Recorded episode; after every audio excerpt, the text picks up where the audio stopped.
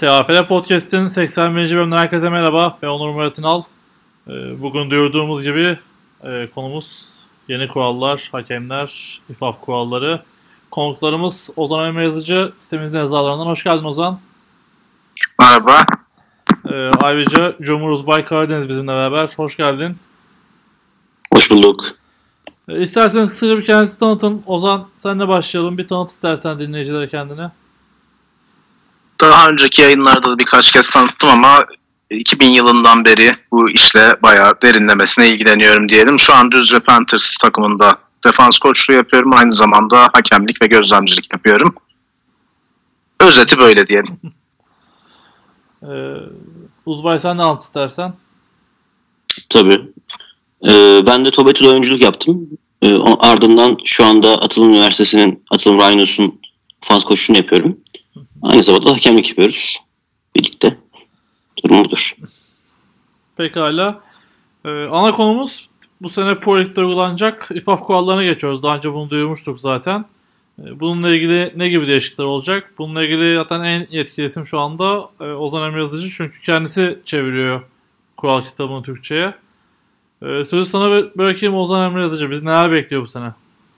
Bu sene bizi neler bekliyor? Öncelikle bizi beklemeyen şeylerle başlayayım. Ee, insanlarda bir korku durumu var. İşte acaba face mask 12 yard holding 7 yard olacak. İkisi birden yapıldığı zaman bir takım 3 yard ceza mı alacak falan gibi böyle bir şey yok. NCAA ifaf kurallarında çok basit farklılıklar var aslında. Yani cezaların yardları ve bir iki nokta dışında uygulamaları çok çok benzer. Zaten NCAA kural kitabını temel alan bir kitap İFAF kural kitabı da. Sadece biraz daha dünyanın diğer ülkelerindeki şartlara göre uyarlanmış diyebiliriz. Bahsetmeye başlayalım mı önemli farklılıklardan? Ki zaten kural kitabının başında da NCAA kural farklılıkları var özet olarak. Olur. Yani öyle başlamamız daha iyi olur. Zaten herkesin en çok merak ettiği şey farklılıklar aslında. Tamamdır. Farklılıklardan bahsedelim o zaman. Bir de geçen sene uygulanmayan ve bu sene uygulanmayan Türkiye'de bu sene NCAA kural kitabına geçişle birlikte uygulanacak kurallarımız da var. Hatta Uzbay bununla İfaf kural kitabı. İFAF kural kitabının kullanımıyla Uzbay bununla ilgili bir çalışma da yapmıştı bizim için. NCAA. İFAF farklılıkları için hani önemli olarak gördüğüm maddeler hani önemsiz gördüklerim şunlar kale direklerinin eksikliği durumundaki prosedür NCAA'den farklı. Ama bunu biz zaten Evet. teknik kurul kararlarımızla e, zaten değiştiriyoruz. Bizim teknik kurul kararlarımızda, lig tanımımızda farklılıklar var. E, Drown kullanılması Zaten NCAA'de e, bir eksik kale durumu kuralı diye bir şey dahi yok zaten aslında yani. NCAA'de kale direğinin olmaması durumunda mutlaka orada kullanılabilecek portatif bir direk olması zorunlu çünkü. Aynen öyle.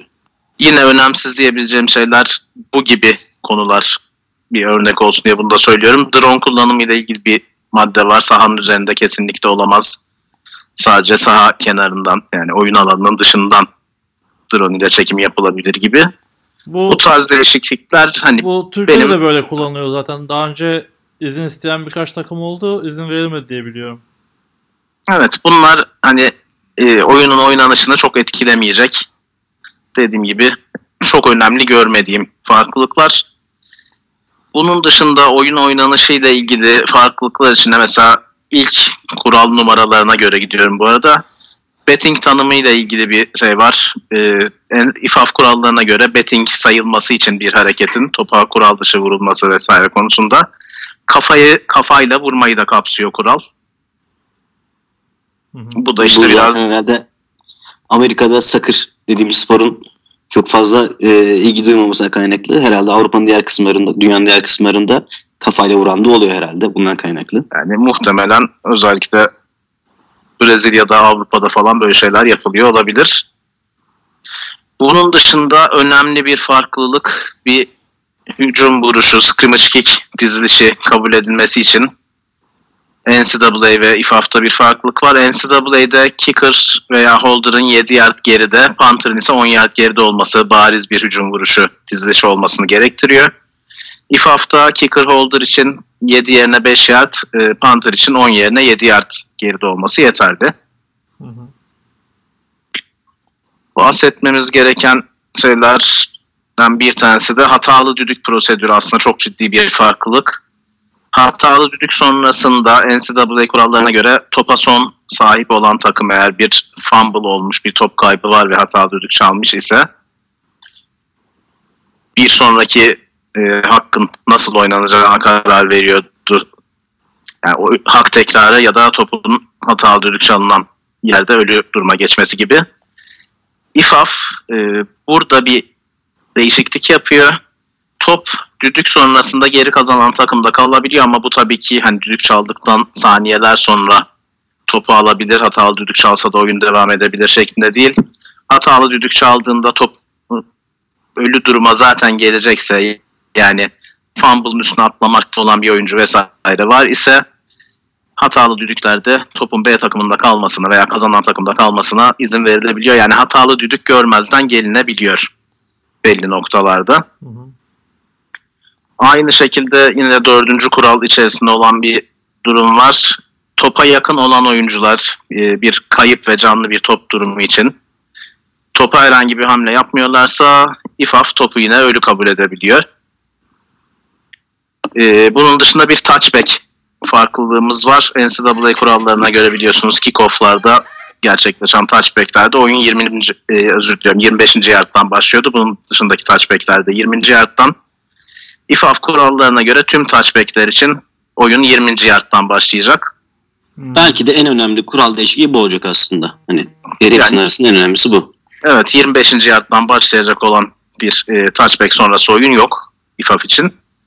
E, bu arada geçen sene bizde de uygulanan NCAA kural değişiklikleriyle gelen kickoff'larda 0-25 yard arasında e, yapılan kurallara uygun veya kural dışı yani geçerli ya da geçersiz bir fair catch işareti durumunda e, touchback olmuş gibi 25. yardtan başlama gibi bir kuralımız vardı. E, bunda da oyun yine 0-20 yard arasında yapıldığı takdirde 20. yardtan başlıyor. Aynı şekilde touchback olmuş gibi kabul ediyoruz. Ama 25. yard diye bir e, şeyimiz touchback için yok. Anladım artık 20'den başlayacak oyun. Touchback veya Tabii. evet. ferike işte. Yani y- 20-25 arasında yapılırsa da aynı şekilde normal bir fake için olduğu gibi e, o fake için yapıldığı yerden, topu, topun tutulduğu yerden alınacak yani aslında. Yani 23. Bunun yardta önemli yapılan noktası bir fair catch 25. yardta değil yine 23. yarda topun koyulmasıyla sonuçlanacak. İlk 20 yard içinde yapılanlar için touchback olmuş gibi kabul edilecek ama touchback'te 20. yardtan oyun başladığı için yine 20. yardtan başlanacak bir sonraki oyuna. Peki bunun bir nedeni var mı hani 5 yard daha geri almanın? Var Yani- mı nedeni? bir miktar sanırım hakemlerin işini kolaylaştırmak. Bir de şöyle bir düşüncem var bununla ilgili. Hani herhangi bir bilgi almış değiliz ama NCAA'de gerçekleşen touchback sayısı biraz daha fazla olabiliyor. Hani takımlara touchback vurmaya vurmaktan uzak tutmak için 20'den 25'e alınmıştı bu 7-8 yıl önce yanılmıyorsam belki 10 yıl olmuştur. Hı hı. İFAF'ta bu kadar touchback yaşanmaması dolayısıyla bir de verilecek kararı kolaylaştırmak için Anladım. böyle bir uygulama yapıldığını düşünüyorum. Doğal çiz doğal çizginin avantajını kullanıyorlar yani belirlemek için aslında. Evet. Evet başka var mı kural değişikliği bu ana şeyler dışında? Bunun dışında bel altı blokla ilgili bir e, küçük bir tanım farkı var. Aslında yapılan uygulama çok çok farklı değil ama NCAA için sadece tackle box'ta bulunan daha doğrusu tackle box'ta bulunan oyuncuların tackle box içerisindeyken yapabildiği bel altı bloklarla ilgili bir tanım var. İFAF'ta bu tackle box'ta bulunan line oyuncular için yine geçerli ama e, bel Sadece line oyuncular için ama. Evet sadece line oyuncular için tackle box içerisinde dizilmiş olan. Bel altı bloğun yapılabileceği alan e, free blocking zone serbest blok alanı olarak tanımlanmış durumda. Bu free blocking zone nedir? Bundan da Uzbay bize biraz bahsetsin istersen. Bahsedeyim hızlıca. Hemen onu da daha önce hazırladığımız bir doküman vardı. Onu açarsam daha rahat olur.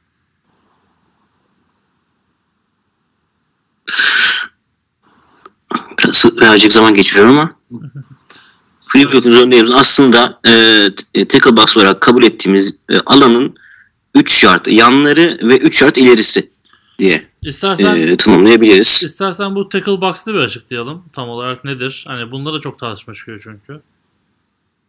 Tabii. Tackle box e, hücum takımında 5 tane line oyuncusu arasındaki en sağda ve en solda olan oyuncu arasında e, offensive tackle oyuncuları diyoruz. Hı hı. Bu offensive tackle oyuncularının dizilişlerinin bittiği yer- yerden e, iki tarafta iki, iki taraf için geçerli. Kendi end zone'a doğru olan sonsuz bir çizgi.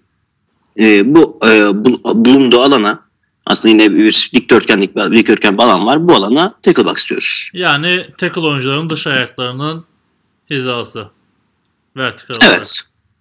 Evet. Aynen öyle. Hı hı. Şimdi bu if haftada e, bu blocking zone bunlardan 3 yard daha var.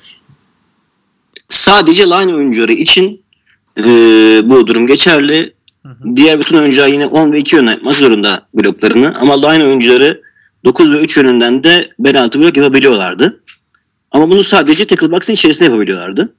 Evet. Şu anda bir farklılık olarak line oyuncuları free blocking zone e, dediğimiz alanda da 9 ve 3'ten blok yapabiliyorlar. Yani free, Yapabilecekler daha doğrusu. free blocking zone'da bu bloklar yapılabilirin en büyük anlamı, en büyük farklılığı aslında free blocking zone, özür diliyorum tackle box sadece A takımının kendi e, kale çizgisine doğru yani geriye doğru hücum yönüne bak- baktığımızda free blocking zone e, her iki yöne doğru üçer yard genişlettiği için hani line'dan 1-2 adım önde de yapılan 9-3 yönden gelen bloklarda legal kabul edilecek bu durumda. Hmm. Ama ne olursa olsun tackle box'ın dışına çıkmışsa eğer yine line oyuncuları topun kalktığı orijinal tarafa doğru e, bel altı blok yapamayacaklar. Yani bu da kritik bir bilgi aslında. Aynı şekilde topta tackle box denilen alanı terk ettiğinde zaten bel altı blok kuralı yapılacak bel altı blokları ciddi bir şekilde kısıtlıyor. Evet Aynen oyunun, öyle. oyunun yönüne doğru sadece değil mi? Evet. Evet.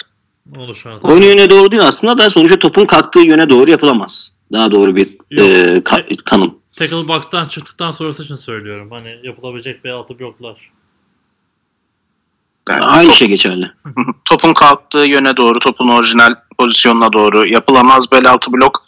Herhangi bir takım için kendi end zone'una doğru yapılması yine yasak. Ve topun kalktığı yerden 5 yer ileride 5 yer geriden sonra herhangi bir yönde bel altı blok yapılması yasak zaten. Hı hı. Tabii top, top hala tackle box'ın içindeyse kendi end zone'a doğru da yapabiliyorsun ama. Evet. Tackle box'ın içi dizilmiş oyuncular için.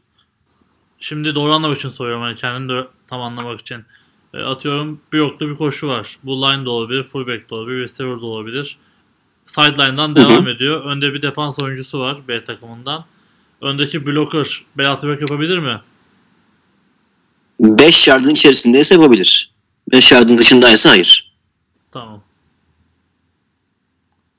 5 yardın içerisindeyse de receiver gibi tackle box'ın dışında bariz bir şekilde dizilmiş olan oyuncular yine topun kalktığı yöne doğru yani sahanın içine doğru diyelim. Evet. Çok un- unbalanced bir dizilim yoksa e, bel altı blok yapamazlar. Sadece dışa doğru yapabilirler.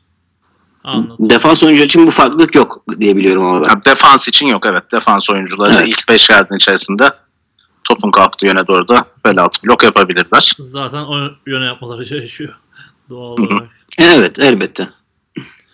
Evet. Bel altı blokla ilgili dediğimiz gibi en büyük değişiklik de bu serbest blok alanı diye bir tanımın olması. Bu da hani aslında uygulamada birçok şeyi değiştirmiyor. Sadece e, tarafsız alandan line of scrimmage'dan ileri doğru bir 3 yard ekliyor diyebiliriz. Yine sadece tackle box'ta dizilmiş olan line oyuncuları için. Hı hı. Bunun dışında kural 917C saha dışında yapılan bloklarla ilgili bir farklılık var. Yine Uzbay bundan biraz bahseder misin bize? Bahsedebilirim. Ee, saha dışında çıkmış bir oyuncuya yapılan bir blok durumunda e, e, cezası atılması durumu söz konusu aslında. E, NCAA kurallarına göre eskiden e, bu kuralın uygulama noktası yani bu kuralın e, bu cezanın yapıldığı yer diyelim blok e, yapan oyuncunun çıktığı çizgi nokta, çizgiden çıktığı nokta olarak sayılıyordu. E, if hafta aslında yine çok büyük bir farklılık yok. E, bloğun yapıldığı yerin e, çizgiye en yakın olan noktası. Yani paralel bir şekilde çizgi çektiğimiz zaman blok nerede yapıldıysa ona göre e, değerlendirilecek. Blok Aslında derken çok çok büyük bir farklılık değil. blok değil de darbe mi? Kontak mı yani daha doğrusu? Yani kon- evet kontağın olduğu nokta alıyoruz ama blok için geçerli. Aslında bu tackle için değil. E, 917C bloğa bakıyor. Hı hı. bariz bir şe- şekilde sağ dışında yapılan bloklar için geçerli olan bir kural. Bunlar dışında Şeyi anlamadım. Sağ dışına blok nasıl oluyor? Neden yapı- yapılıyor? yani yapılmaması gereken sağ dışına bariz bir şekilde çıkıldıktan sonra yapılmış olan bir blok. Aslında lated olarak değerlendirdiğimiz şey sağ dışında yapıldığı İşte için. benim kontak dediğim blok diyorsunuz yani. Evet, Ha tamam. Evet. evet Tamam. tackle'lar için uygulama bu şekilde değil. Yani örnek vermek gerekirse e, 20'den çıktı devam etti. 2-3 yardta ilerledi top alttan sonra. 23'te e, kontak geldi. 23'ten ceza uygulanacak. Evet. Do- aynen. Doğrudur yani Aha. faulü yapan oyuncunun saha dışına çıktığı nokta değil, e, faulün temasın yapıldığı noktanın Hı hı. noktadan uygulanacak en yakın sağ çizgisinden, kenar çizgisinden. Sadece bir uygulama farklılığı. Hı hı. Yani oyuncular değil, hakemlerin bilmesi gereken bir şey. Zaten bir oyuncu sahanın dışında vuruyorsa kuralları hiç bilmiyordur diye düşünüyorum. Evet. Bunun dışındaki kural farklılıklarına baktığımda da e, mesela İFAF'ta kurallara uygun olmayan krampon vidaları için diskalifiye yok gibi devam eden e, baş hakemin maçta bulunmaya yetkili olmayan kişilerin saha çevresinden çıkarılmasına izin veren yine biraz idari çok da önemi olmayan hani oyunun oynanışını etkilemeyen daha doğrusu kural farklılıkları var.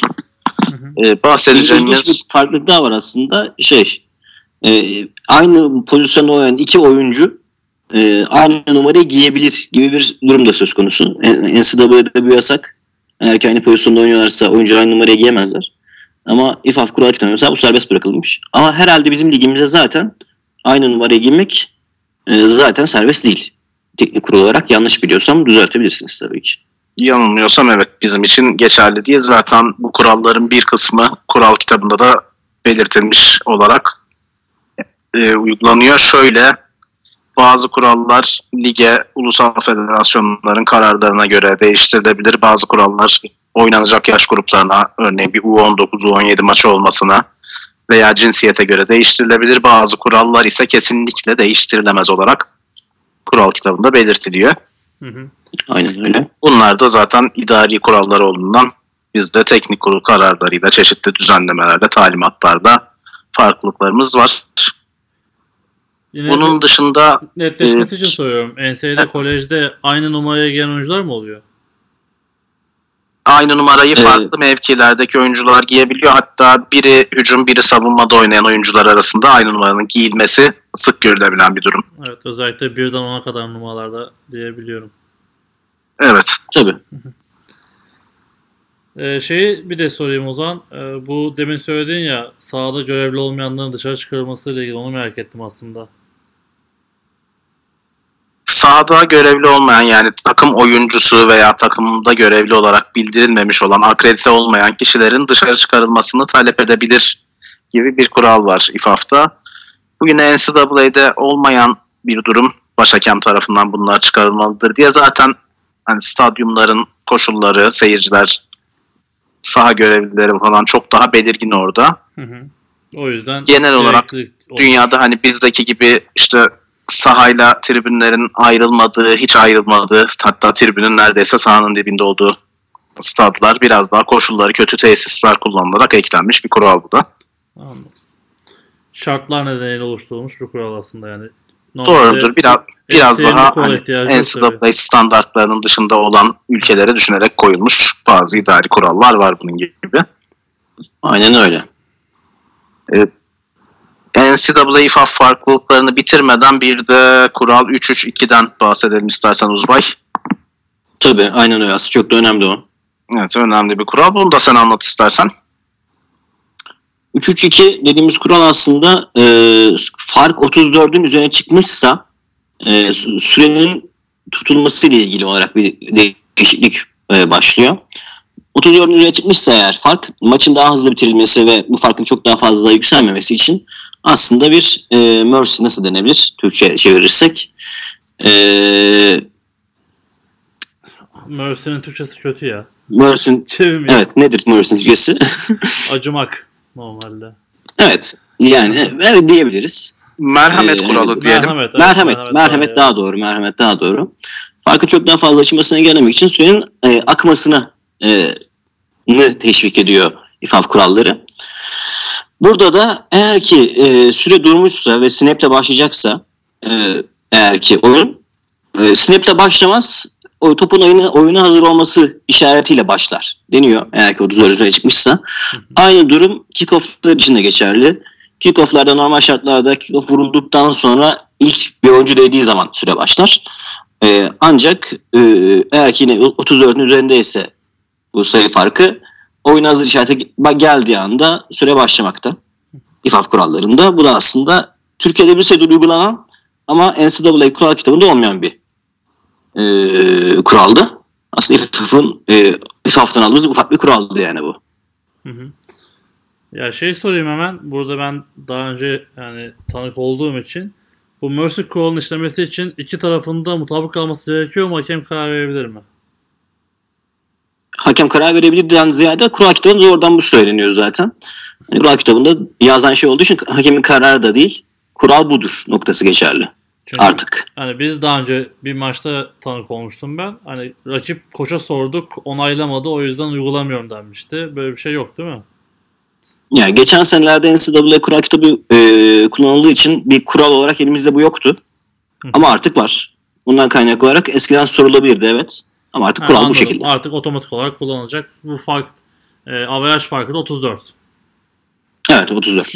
34 e, kuralda şöyle gerektiriyor. Fark 34'ün altına düştüğü takdirde bu kuralın uygulamasına ara veriliyor. Tekrar 34 fark açılırsa ancak aynı şekilde Mercy Rule'da Hı hı. devam ediyoruz maçı yönetmeye. Anladım. Var mı başka hani eklemek istediğiniz kural değişikliği? Bu gü- hani güzel oldu aslında. Ee, Bazı şeyler çok netleşti. Bunun dışında var mı hani çok kritik bir değişiklik diyeyim. Bunlar dışında NCAA IFAF farklılığı olarak benim aklıma gelen çok kritik bir farklılık yok. Uzbay senin söyleyeceğin bir şey var mı? Benim de söyleyeceğim bir şey yok. Daha çok hani bunlar e, saha çevresiyle ilgili kurallar var etrafta daha çok. E, daha yani en, en önemli kural dediğimiz gibi aslında kickoff'taki 20 yard e, touchback'i başka bir şey değil. Hı hı. Ne, diğer, diğer hemen hemen her şey çok benzer zaten yani. Pekala. Tamamdır. E, isterseniz bu seneki e, hakem gelişiminden bahsedelim. Nasıl gidiyor sezon? Nasıl gitmeye devam edecek? Pro Lig başlayacak. Maçlar artacak. Hazır mıyız sizce? Ben direkt soruyu böyle sorayım. Buna Buna geçmeden önce acaba evet, bir de kural değişikliklerimiz var yıl itibariyle gerçekleşen. İstersen önce onlardan bahsedelim. Evet 2020. Sonra hakemlik e, sorularını Aha, yanıtlayalım. tabii tabii. Daha iyi. Türkiye'de geçtiğimiz yıl ve bu yıl e, üniversite liginde uygulanmamış olan e, 2020 kural kitabıyla birlikte gelecek olan kurallardan bahsedelim. Bunlardan birincisi e, paylonlarla ilgili bir kural değişikliği var. Yerinde olmayan paylonlarla ilgili artık görevini yapmıyor kabul edilebilen falan gibi. Bu da hani yine çok çok, çok kritik, çok üzerinde duracağımız bir kural değil. Blindside blokla ilgili kısım sanırım önemli. Uzbay bundan bahsetmek ister misin? tabii ki. E, bu sene e, aynı zamanda NCAA'ya gelen bir kural bu. E, NCAA'ya geldiği zaman e, hemen o sene IFF'a gelmeyebiliyor. Ama önemli kurallar IFF'a aynı senede geliyor. E, bu onlardan bir tanesi oldu.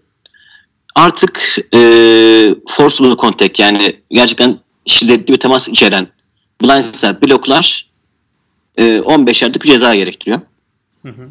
e, blindside'ın ne olduğu tanımlandı e, kural kitabında ve e, bu blindside'ın e, ceza olduğu belirtildi. E, ancak hani forcible contact olmayan blindside'lar yani bunlar nerede? Doğruda elle yapılan, vücudu kullanmadan yapılan bir blok. İşte vücudunu e, insan, blok yapacağı kişinin önüne koyarak bir screenleme e, tarzı yapılmış blindside'dan gelse daha yapılan blok tarzı bloklar ceza değil. sadece şiddetli temas içeren e, yani ben bu adamı gördüm bunun üzerine koşturup yazılmalıyım tarzında e, olan e, blindside bloklar artık yasak. Hı hı. Bir personal faal ve 15 yard ceza gerektiriyor. Evet. Başka ne var Ozan 2020 değişikliklerinde? Tackle box'la ilgili bir tanım değişikliği var. Eskiden snapper e, tackle box için baz alınıyordu. Snap yapan oyuncu. Hı hı. Yani bizim için çok aşırı kritik olmayabilir zaten. Hani unbalanced bir dizilimle e, line'ın ortasında olmayan oyuncuya snap yaptıran çok fazla takımımız yok. Ama kuralların yeni tanımında e, tackle box için e, line'ın ortasında bulunan oyuncu, snapper değil, snap'i ba- bir başka oyuncu yapsa bile line'ın ortasına dizilmiş olan oyuncu kabul edilecek. Bir kural değişikliğimiz de bu. Hı hı. Bunun dışında kural 313E'de bir değişikliğimiz var. Uzbay bundan yine sen bahset. Buna biraz Tabii. daha detaylı göz atmıştın diye hatırlıyorum. Aynen öyle. Şöyle ki hem 3.1.3 hem, hem, hem de 3.1.3 iyi anlatabilirim. İkisi de birbirine bağlayan e, kurallar, kural değişiklikleri oldu bu sene. Artık e, eğer ki maç uzatmalara giderse uzatmaların ikinci ve dördüncü e, periyotlarından sonra bir e, ek şey, e, mola e, hakem molası vermek zorunluluğu var. Hı hı. E, iki dakikalık e, bir hakem molası, iki dakikalık bir devre arası veriliyor yani. Anlayacağınız iki ve dördüncü periyotlardan sonra. Ve bundan sonra gelecek beşinci e, periyot ve sonrasında normal şartlarda 25 yardtan işte e, iki takımın da seri olarak oynadığı oyunlar e, bütün olarak devam ederken uzatmalar artık beşinciden sonrasında 3 yardtan oynanan bir oyun olarak yapılacak. Yani 5. uzatma ve sonrasında 3 yardtan oynanan oyunlarda eşitlikte bozulmazsa aynı şekilde 3 yard oynamaya devam edecek. Bu şekilde. 3 yardtan ve Pekala. 2 sayılık denemeler yapılması zorunlu sanırım. 3. yardtan e, tek sayılık bir deneme yapma şansı yok. Takımların doğru mudur? Bak, Hemen kontrol edelim. Aynen öyle. Yok. Ee, evet aynen öyle. İki, sadece iki sayılık yapılmak zorunda. Yani 5. Two point uzat, beşinci uzatmadan sonra bayağı seri penaltılara dönüyoruz. Yani field Aynen goal, öyle. field goal vuramıyorlar değil mi? Doğru tam olarak söylemek gerekirse. İlk 4 uzatma devresinde 25. yardtan başlayıp first down alarak, touchdown yaparak veya field goal vurarak üstünlük sağlamaya çalışıyorlar. Hı hı. 5. uzatma devresinden itibaren 25. yardtan oyuna başlama ve bir first down alma, touchdown yapmaya çalışma gibi bir durum yok. Direkt olarak ekstra sayı oynanıyormuş gibi. Evet. Üçün, üçüncü yardtan tek bir hak oynuyor hücum. Sayıyı yaptı yapam ya da yapamadı. Bir sonraki takım gidiyor yine üçüncü yardtan tek bir oyun oynanıyor. Eşitlik bozulana kadar Hı bu şekilde biraz uzatmaları kısaltmaya çalışıyorlar. Ekstra oynanıyor mu peki bu oyundan sonra? Oynanmıyor sadece zaten ekstra Oynanmıyor. oyun gibi iki sayılık bir deneme. Altı Evet. sayı almıyorlar burada. Başarılı Ha oldukları iki takdirde. Anladım. Bir de şey vardı. Üçüncü denemeden sonra artık hani e, e, PAT'e vurulmuyor. iki sayı oynanması zorunlu diye biliyorum. Ekstra sayılar şey için yok. aynı uygulama devam ediyor mu Uzbay? Bunu dediğim gibi bu kuralı ben çok göz atamadım. Ama Benim bilgim dahilinde o şekilde bir, bir şey yok. Ya Üçüncü denemeden kastı anlamadım ben bu arada da. Yani Üçün- Üçüncü uzatma. Üçüncü uzatma devresinden itibaren eskiden tüm ekstra sayılar iki sayılık yapılmak durumundaydı. Ee, kontrol etmedim açıkçası bakmam lazım ona. Onu da Hemen kontrol hızlıca. edelim. Bunu da şeyden Hı hı. biliyorum. Bu geçen bir uzatma ile ilgili bir sorun oldu ya. Bayağı bir açtım okudum ben de güncel şeyleri. Siz bu arada bir sonraki kurala geçerken ben de kontrol edeyim. Tamam. Devam edelim o zaman istersen. Bir sonraki kuralda Uzbay'ın bahsetmiş olduğu ikinci ve dördüncü uzatma devrelerinden sonra iki dakikalık bir zorunlu moladan bahsettik. Evet. Mercy Rule, merhamet kuralı diye yaptığımız e, o konuda da haklısın acıma falan dersek bizden nefret edin ama bize acımayın. Uzatın süreyi diyen hakemlerimiz çıkabilir. Bu sene hem NCAA hem İFAF farklılığı olan hem de İFAF'ta biraz önceki seneye de göre değişmiş kural onu zaten anlattık. Hemen serbest vuruşlardaki evet, wedge kuralındaki bir değişikliğimiz var. Serbest vuruşlar için 3 ya da daha fazla takım üyesinin bir vece oluşturmak için bir araya gelmesi yasak. Bu bir canlı top faali olarak uygulanıyor idi daha önceki kurallarda. Şimdi ise 3 değil 2 ya da daha fazla oyuncu yani 2 oyuncunun bir vece oluşturması, vece oluşturmak için de mutlaka omuzlarının bitişik olması zorunlu değil blok öncesinde. Birbirlerine e, çok yaklaşmış olmaları da yeterli. Serbest vuruşlarda return takım için geçerli olan wedge kuralında oyuncu sayısı 3'ten 2'ye düşürülüyor İFAF kurallarına göre.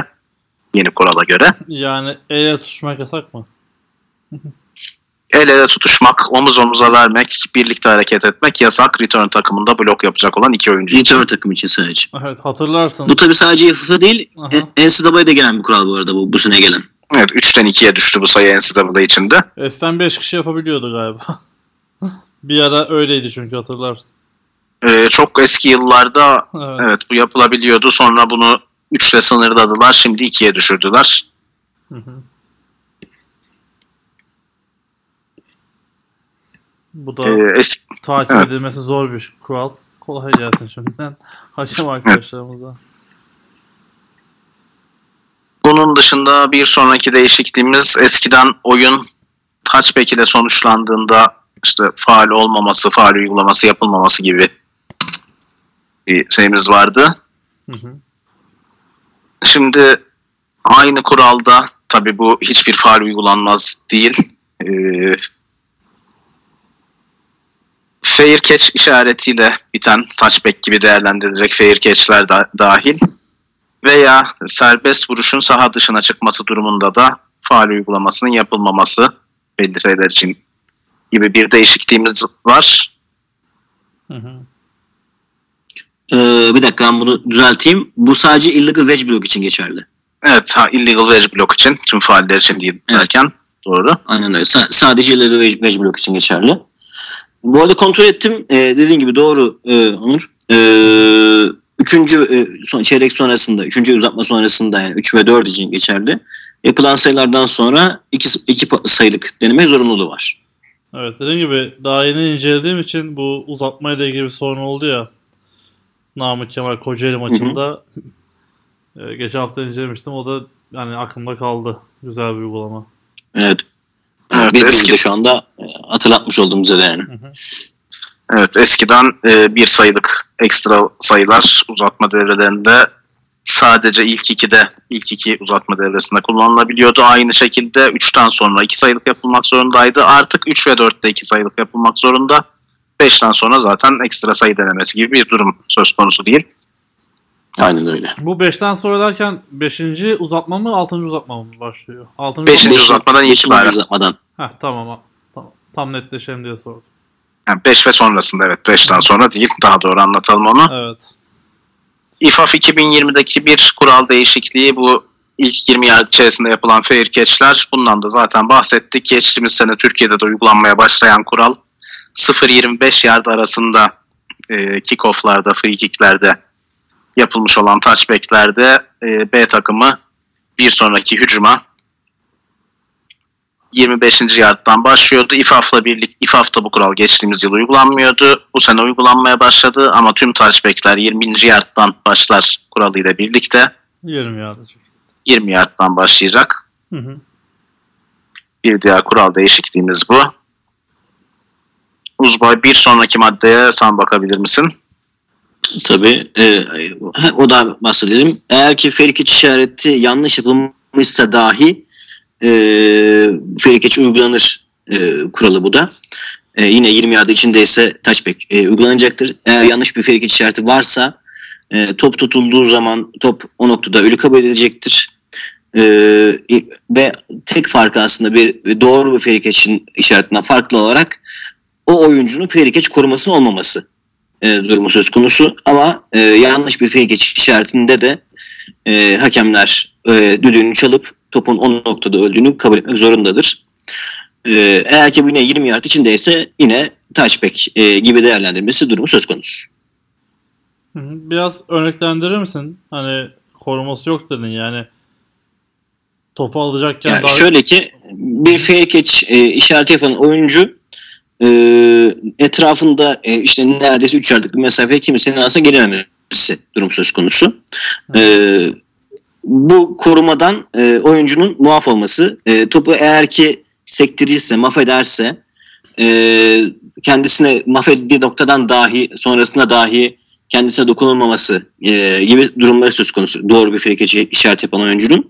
Ama eğer ki işareti yanlış yapmışsa yani normal şartlarda sağ elini kafasının üzerinde e, kaldırıp e, sağa sola oynatması şeklinde bir işaret. Ama diyelim ki yanlış yaptı, iki elini kaldırdı, önünde salladı, e, vücudunu hemen önünde salladı tarzı durumlarda e, fair catch korumasına sahip olmayıp e, aslında fair catch gibi değerlendirilebiliyor e, topu tuttuğu nokta bazında. Hı hı. Bu da FFA, e, FFA bu sene gelen bir kural. Bu da aslında bu kural da geçen sene NCAA'ya gelmiş ve bizim ligimizde uygulanıyordu zaten. Burada geçerli sinyal de e, önemli. Uzbay buna da değindi. Yani sağ el değil herhangi bir eli e, önemli bir Doğru, nokta. doğru, Oy- doğru, oyuncu evet. solak ise veya canı istiyorsa sol elini de sallayabilir. Mutlaka elini kaldırıp e, kafasının üstünde, kafa hizasının üstünde sağa sola sallaması lazım. Yani şöyle e, gem- gemiyle seyahate giden bir tanıdığı var ve onunla vedalaşıyor gibi diyelim. Bu konuda da çok ciddi sıkıntılar var. Elini vücudunun önünde sallayan iki elini birden kaldırıp böyle ne oluyor ben anlamıyorum e, havasında sallayan oyuncular var. Hatta hakemlerin kullandığı e, start clock süreyi başlatma işaretini Hı hı. yapıp fair catch gösterdiğini iddia eden oyuncu bile gördüm ben sahada. Bu playofflarda bir pozisyon olmuş hatırlıyor musunuz NFL playofflarında? Gave up kuralı olmuştu. Bills maçıydı. Bu en zonda topu tutup hakeme bıraktığı pozisyon mu? Evet evet. Hı hı. O geçerli mi bizde de? Merak ettim biliyor musunuz? E, orada şöyle bir durum var. Kural kitabında hatta bunu da uzbayla birkaç gün önce konuştuk. Kural kitabında bariz bir şekilde bir oyuncunun koşmak istememesinden, e, koşu göstermemesinden bahsediliyor. Hı hı. Geçerli yani bizde de. Yani gave up kuralı bizde de var. Doğru, Var. bizde de var. Oyuncu bariz bir şekilde koşma niyeti olmadığını, hani topu bırakmak istediğini gösterdiği için orada topun ölü duruma geçtiği kabul ediliyor. Tamamdır. Bir sonraki değişikliğe geçersek Hı hı. e, hızlıca bakıyorum. Blindside block e, değişikliği zaten önce konuştuğumuz. E, ve son olarak hani bu değişiklik niye var bilmiyorum. E, bu şeyler e, bu telepatik olarak kullanılan e, diz şey diz neydi onun ne denir ona? Dizlik diyelim. Ee, dizlik diyelim hani dizliklerin e, normal eskiden e, pentin içine giyilme zorunludur gibi bir cümle varken şu anda giyilmelidir gibi bir cümleye çevirmişler. Bu e, değişiklik niye var? Benim çok da fazla anladığım bir değişiklik değil açıkçası. Ee, dizi, Yani dizi takan biri olarak söyleyeyim. Bunların yanlarında metaller var. Eskiden metallerin görünmesini istemiyordu. Direkt hani ciltle temas etmesin diye üzerine bir şey kaplansın diyordu. Belki o yüzdendir. Hı hı. yani Evet. yani giyilmesi zorunludur. Giyilmelidir'e çevrilmiş. Hı hı. tedavi amaçlı ve koruyucu özellikle işte bu metal eklemli olan dizlikler için e, İngilizce olarak kuralda eskisi must, şimdiki anlatımı should Hı hı. giyilmelidir. Hani e, eskaza biraz açıktaysa vesaire de idare edebiliriz ama dikkat edin gibi bir kural değişikliği. Yani çok da aşırı anlamlı değil yapılan değişiklik bana göre de. Hemen burada şeyi de sorayım. Ee, dizin altına kadar koruma olması gerekiyor mu gerekmiyor mu?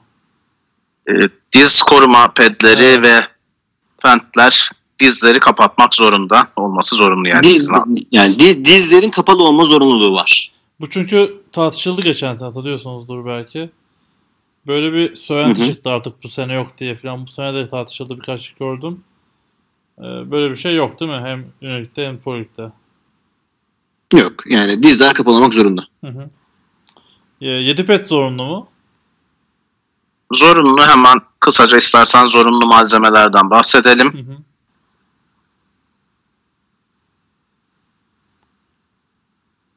Hemen hatta Yine E5 aslında. Oradan bakabilirsin.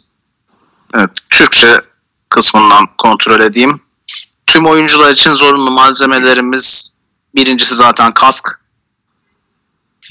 Ee, hani takmadan oynamak isteyen varsa da ben takdir ediyorum. Kalça pedleri diye çevirdiğimiz pedler var. Bunlar üçlü olmak zorunda. Kuyruk sokumunu da koruyan bir ped olması zorunlu. Diz pedleri zorunlu. Ee, ve tie pedler uyluk korumaları zorunlu. Yani 7 parçalı ped olmak zorunda. 3 farklı malzeme olarak 3 farklı maddede geçiyor bunlar. Hı hı. Dizliklerle, diz koruyucu pedlerle ilgili de şöyle bir şey var kural kitabında. Diz koruyucular e, pent tarafından kapatılmalı ve pent ve diz koruyucular dizleri kapatmalıdır. Dolayısıyla dizleri açıkta kalacak şekilde bir oyuncunun sahada bulunması, bulunmaması gerekiyor. Bunlar bunun dışında dişlik, shoulder pad yine zorunlu malzemeler arasında formayı söylemiyorum. Zaten tüm takımlarımızın forma giyeceğini sahaya çıkarken düşünüyorum. Niye canım atletle çıkanlar da var biliyorsun. Formanın üstüne giymiş onlar da yine bir formaları vardı. Aslında İFAF Bir, kurallarına bir baktım. nevi. İFAF kurallarına baktığınız zaman formanın üstüne giyilecek e, antrenman yeleği vest olarak onlar tanımlıyorlar ama e, gibi şeyler veya üst üste iki forma giyilmesi yasak aslında kural gereği. Ama yapacak bir şey yok bazı şartlar. Evet şartlar dolayısıyla Ekip- yapılmış bir Aha, Evet, ekipman konusu geçerken sorayım. Bu da çok hani tartışılıyor ya vizör konusu. kurallar gereği renkli vizörlerin kullanımı aslında yasak. Hı hı. E, vizörlerin, eye shield'ların Sadece şeffaf. şeffaf olması e, tek parça döküm ya da sert bir malzemeden olması lazım. Yine tıbbi olarak kullanılması gereken gözlüklerin de şeffaf olması şart. Renkli vizörlerin kullanımı İFAF kurallarına göre yasak. Evet bunu netleştirmiş oldum. Çok eskiden olup şimdi olmayan tek e, renk yasağı eldivenlerde eskiden renkli eldivenlerin kullanımı da yasaktı. Sadece 3 ya da 4 gri tonu vardı hatta Pantone kodlarıyla birlikte belirtilmiş gri tonları. Ee, yaklaşık bir yine 7-8 yıl diye hatırladığım bir süreden beri eldiven rengi konusunda bir sınırlandırma yok. NCAA'de de İFAF'ta da dolayısıyla bizde de. Daha, daha uzun süredir ya. 7-8 yıl önce olması lazım. Yani tam hatırlamıyorum. Bir süredir yok diyelim. Eldivenle ilgili bir sınırlamamız yok. Gerçi bunu zaten Türkiye'de tolere ediyorduk zaten eldiven temin etmenin zor olduğu bir dönemde. Şey biliyorsun koçtaş eldivenleri serbestti yani turuncu. Doğrudur tabii. Boyacı eldiveniyle Evet. veya iş eldiveniyle de sahaya çıkan arkadaşlarımız vardı. Devam edelim istersen. Aralarında en iyisi elektrik eldiveniydi bu arada. Elektrik eldiveni ne ya? En, en iyisi elektrik eldiveniydi bu. Ee, normal şartlarda olmaması gereken malzememiz arasında. Hayır, elektrik, En iyi top tutan onlardı. elektrik eldivenin onu bilmiyorum o yüzden. Hmm, içi kauçuk kaplı e, bu aslında elektrikçilerin kullandığı elektrik çarpmasın diye kullanılan eldivenler. Bu bildiğimiz turuncu boyacı eldivenlerin biraz daha değişik hali. İçi, içi siyah olan mı? Aynen evet. İçi siyah olanlar. Ha, anladım tamam. Devam edelim o zaman istersen Evet. kurallarla. Evet. Kural değişikliklerimiz de bunlar. Hı hı. Bunun dışında genel olarak gelen bir soru, gerçi son e, podcast'te de bir bahsettiniz bundan. Bu Defensive Pass Interference'ın uygulaması ile ilgili doğru olarak da orada anlatıldı. Defensive Pass Interference NFL'den farklı olarak NCAA'de ve aynı şekilde IFAF'ta da şöyle anlattığımız zaman biraz daha belki kolay anlaşılacak. En fazla 15 yard ceza uygulanabilen bir faal. Yani oyunun başladığı noktadan itibaren ilk 15 yard içerisinde bir defensive pass interference faal yapılır ise faalün yapıldığı noktadan bir otomatik first down kazanıyor hücum takımı. 15 yardı geçen bir pas için e, defensive pass interference uygulaması yapılırsa 15 yard ceza artı otomatik first down yani 40. yardta da siz defensive pass interference yapmış olsanız hücum takımı 15 yard kazanabiliyor. Evet güzel bir açıklama oldu. Maksimum 15 yards. Bununla ilgili bir istisna var ama 17 yardın içinde yapılmış olan 17 yard ve sonrasında da yapılabilir. En zone içinde yapabilir. Bir pas interference olduğu zaman top 2 yarda konulur ve oradan başlar. Bu da önemli bir istisna aslında. Evet bir 17-2 kuralı da var. bununla ilgili. Nasıl yani? Bir örnek verirseniz. Evet Örnek olarak yani şöyle anlatayım. Ee, bir takım e, 14. yardından e, 14 yardtan oyun oynuyor. Ee, B takımın 14. yardındalar yani. Ee, bir pas oyunu yapıyorlar ve endzone içerisindeyken bir pas interference yapılıyor. Hı hı. Endzone içerisi e, ba- bahsettiğimiz 14 yardtan daha ileride aslında. Sonuçta Evet. 15 yardlık bir ceza uygulanabilir diye düşünebiliriz. Ee, normal şartlarda e, bu gibi cezalarda mesafe yarısı Evet. uygulanırken pas interference'da bir farklılık olarak endzone içinde yapılmışsa ya da son iki yard içinde yapılmışsa top iki yerde konuluyor, iki yardtan uygulanıyor. Hmm, anladım. En sonunda- burada iki, en ikinci yardın Aha. dışından uygulanan bir e, ceza topu iki yardın içine götürmez kuralı geçerli. Pass interference için istisna olarak da bir mesafe yarılama yapılmayıp bunun yerine top direkt olarak ikinci yarda koyuluyor. Hı hı. Son 17 yard içerisinde rakip e, kale çizgisine kalan son 17 yard içerisinden başlayan oyunlarda 15 yardtan uzun e, defensive uzun paslarda yapılan defensive pass interference'lar için. Hı hı. Böyle de bir istisnası var defensive pass interference'ın. Ee, senin soracağın başka bir kural sorusu vesaire var mı? Oradan gidelim. Yok zaten her şey güzel açıkladın. Hani birkaç bir şey vardı onlara da aslında bilmeme rağmen en çok tartışanları sormak istedim ben de farkındaysan. Ee, Evet. Şey de sorayım. O da hani çok kişi biliyor ama netleşelim yine.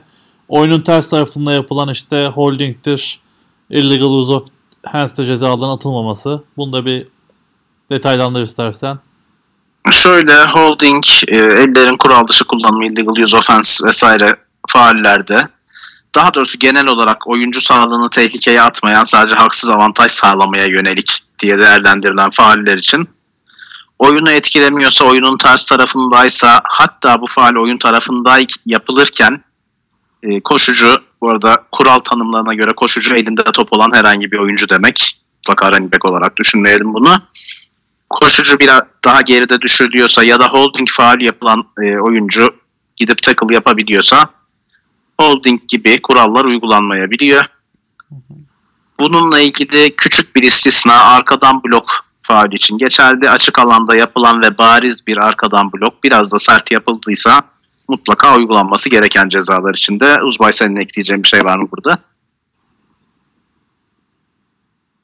Bir saniye. Ee, yani bu dediğim durumun söz sebebi de aslında tribünde izleyen kişilerin de bu cezayı barcayı görebilecek olması.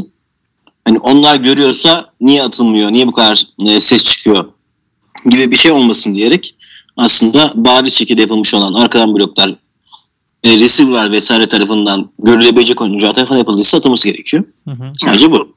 Bunun da aslında bir miktar sebebi sporcu sağlığını korumak.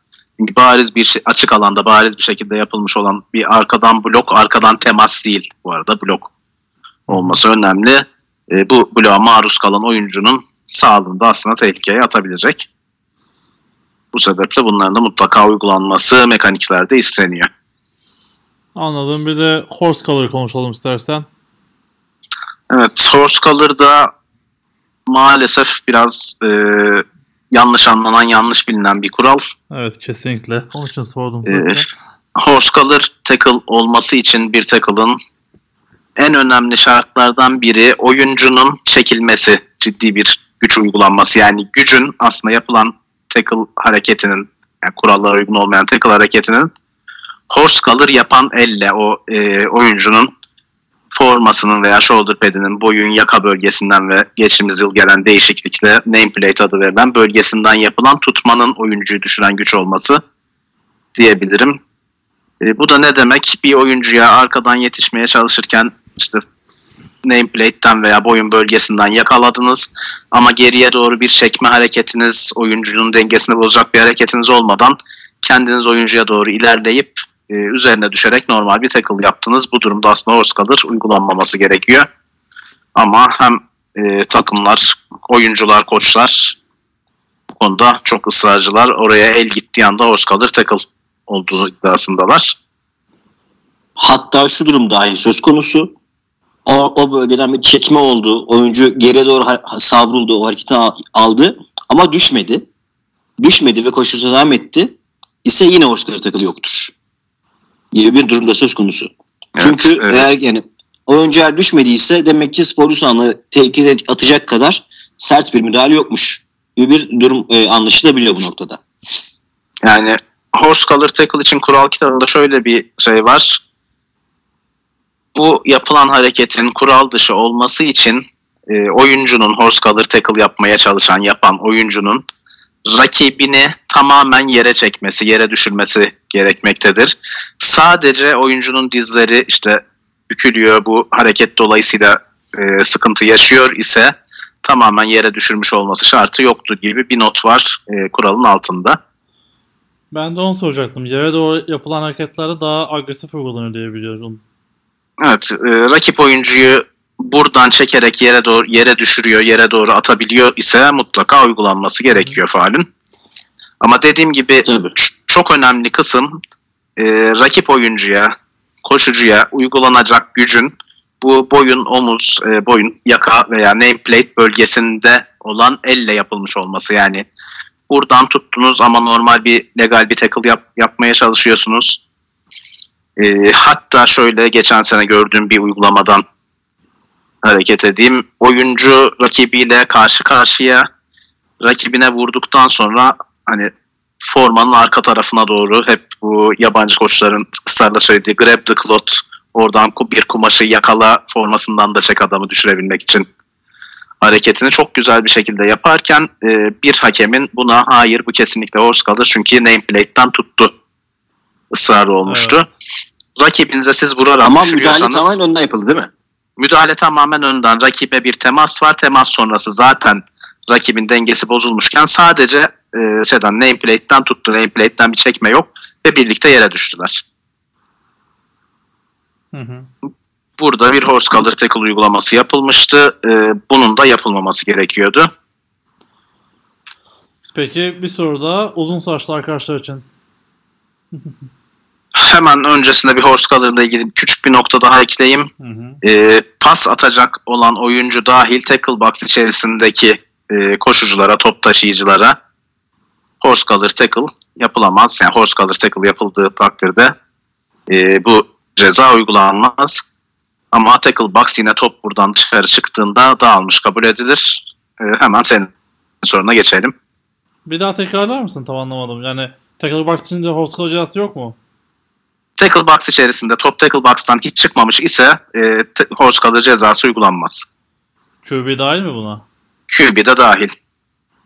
Anladım ilginç.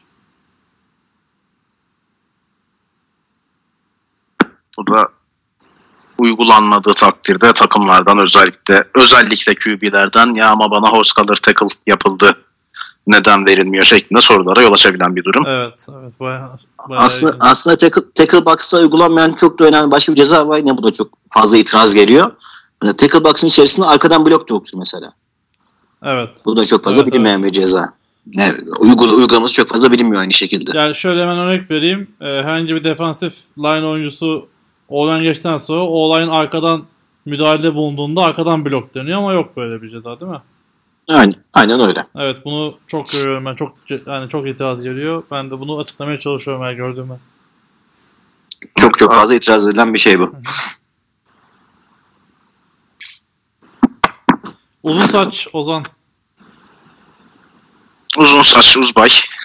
Ee, saçlarından dolayı sana yönlendiriyorum soruyu. Benim saçlarım olmadığı için mi yönlendiriyorsun? Evet. Teşekkür ederim. Hani Ee, olsaydı ve uzatabilseydin. Uzun saç e, horse collar tackle e, şeyinde e, kuralları içerisinde herhangi bir şekilde yazmıyor.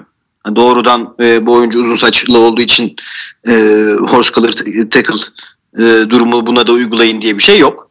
O zaman herkes saçını uzatsın. E, bundan kaynaklı olarak hani e, tek, e, horse collar tackle cezalarına dahil değil uzun saç.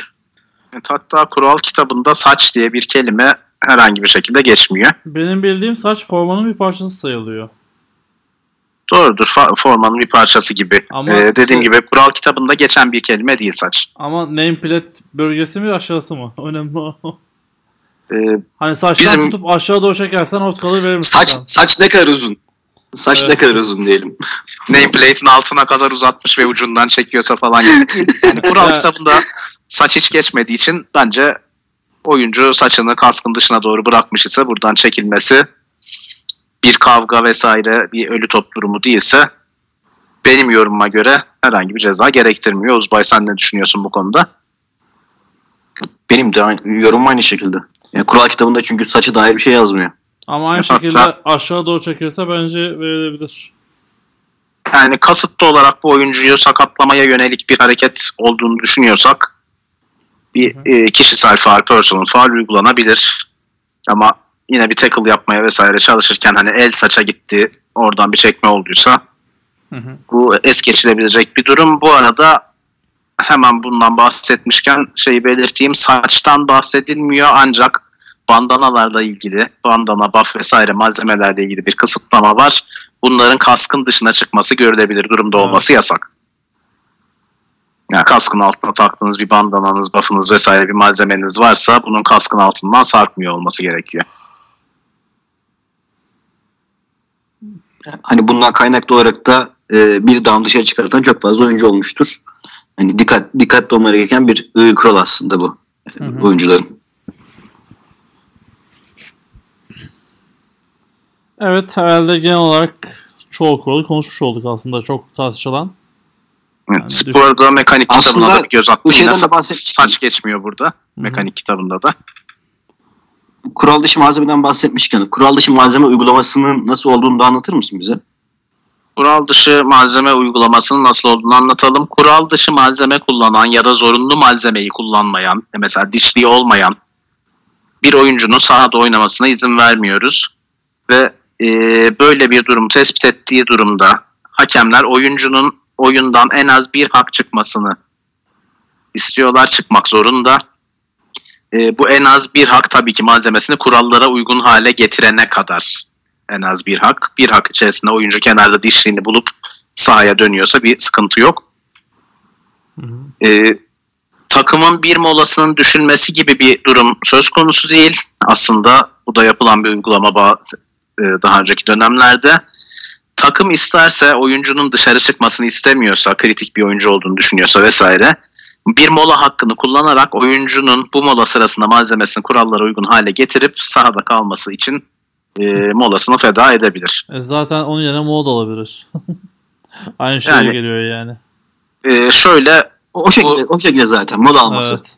Yani hakem oyuncunun kurallara uygun olmayan bir malzeme kullandığını veya kurallarda zorunlu olan bir malzemesinin eksik olduğunu belirtip dışarı çıkmasını istediğinde biz mola kullanıyoruz, mola talep ediyoruz dediğinde bu oyuncu bir hak bir dağın dışarıda kalmak zorunda değil. Evet.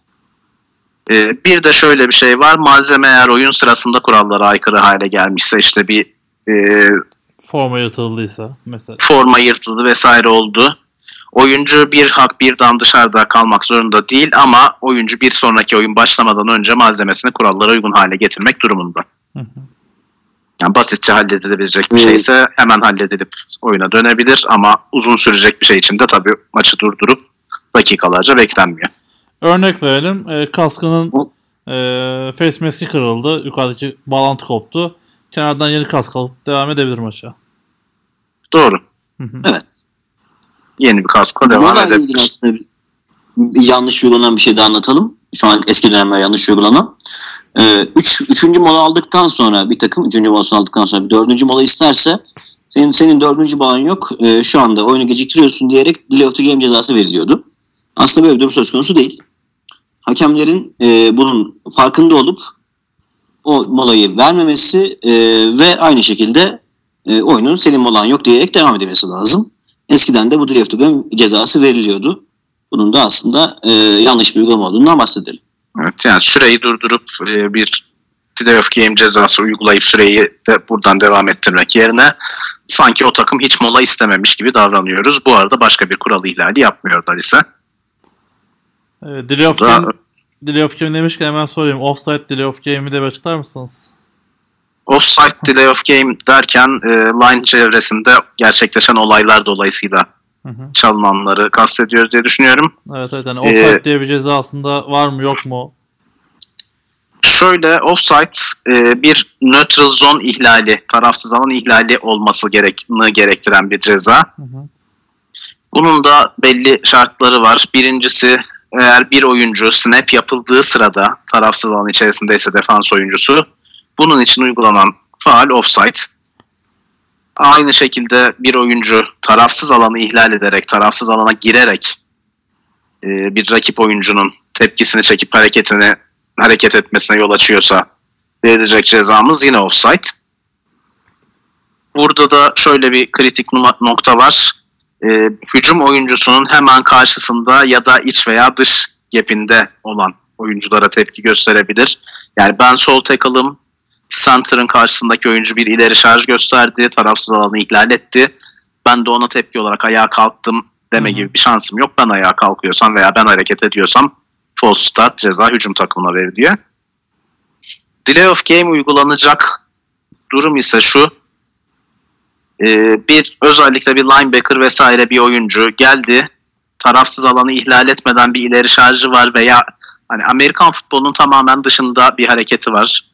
Tarafsız alana doğru elini kolunu sallıyor, tekme atıyormuş, yumruk atıyormuş gibi bir hareketi var. Bir şey yapıyor. Ve tarafsız alan ihlali ya, da, olmadan ya da gelip alkışlıyor mesela. gelip alkışlıyor. Oyun e, çıkışına benzer bir sinyal. İşte set hat bir şeyler diye bağırıyor. Bunların hepsi olabilir. Bu gibi hareketleri yapıyorsa ve özellikle e, hareketleri e, hücum takımından bir oyuncunun yine karşısında olabilecek bir oyuncunun e, oyun başlangıcından önce hareketine yol açıyorsa uygulanan ceza offside değil delay of game çünkü burada oyun başlangıcı bozuluyor, oyunun başlaması geciktiriliyor ama bir tarafsız alan ihlali yok. Hı hı. Uzbay senin ekleyeceğin bir şey var mı bu konuda? Yok herhangi bir şey yok. Pekala. Başka bir sorum yok benim. Sizin var mı eklemek istediğiniz hani bu çok tartışılan kurallar satı gelmişken? Şu an aklıma gelen çok ekstra bir şey yok benim Uzbay. Benim de yani bahsettiklerimiz dışında çok daha fazla itiraz gelen başka bir şeyimiz yok. Ha var aslında. Şu da var. Ee, koşucunun yaptığı ve koşucuya yapılan kaska müdahaleler. Face mask olmadığı sürece bir faul değil aslında. Bunu bilmesi gerekiyor. Ee, hani bu da çok da fazla bilmem. Örnek olarak koşucunun kaskından bastırılarak yere düşürülmesi durumunda e, ceza isteyen takımlar olabiliyor. E, buna karşı tepki verenler olabiliyor ama aslında kaskın e, face maskine ya da kaskın herhangi boşluğa el sokul, sokulup e, baş oynatılmamışsa aşağı doğru çekilmemişse yukarı doğru kaldırılmamışsa sağa sola çevrilmemişse e, herhangi bir ceza gerektirmiyor. Yani oyuncunun kaskını, kafasını oynatacak, kaskını çekiştirecek bir müdahale yapılmadıysa ve tabii önemli nokta targeting gerektirecek bir hareket yoksa. Tabii. Bu tam onu soracaktım. Şu targeting'i de bir açıklar mısınız? Evet Uzbay tar- targeting'i anlatmayı seviyorsun sen. Tabii ki. Hiç E, çünkü. targeting aslında Yani- iki farklı kuraldan oluşuyor. Hı hı. Birinci kural e, kaskın tepe bölgesiyle e, yapılmış e, müdahaleler.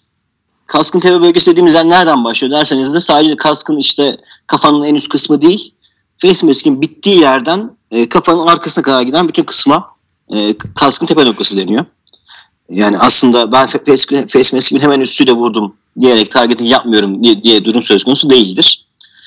E, kaskın te- tepe noktasıyla bir şekilde oyuncu sıçrayarak, ileri doğru e, eğilerek, e, vücudunu tamamen e, işte nasıl diyeyim e, yere paralel olacak şekilde zıp- e, zıplayarak vesaire tarzında bir hareket yapıyorsa bu hareket vücudun neresine gelirse gelsin shoulder pad, dizler, e, doğrudan belki ayak bilekleri, e, kask, e, boyun bölgesi fark etmez fark etmeksizin target cezası e, gerektiriyor e, targeting cezası bir şüphe durumunda dahi targeting var.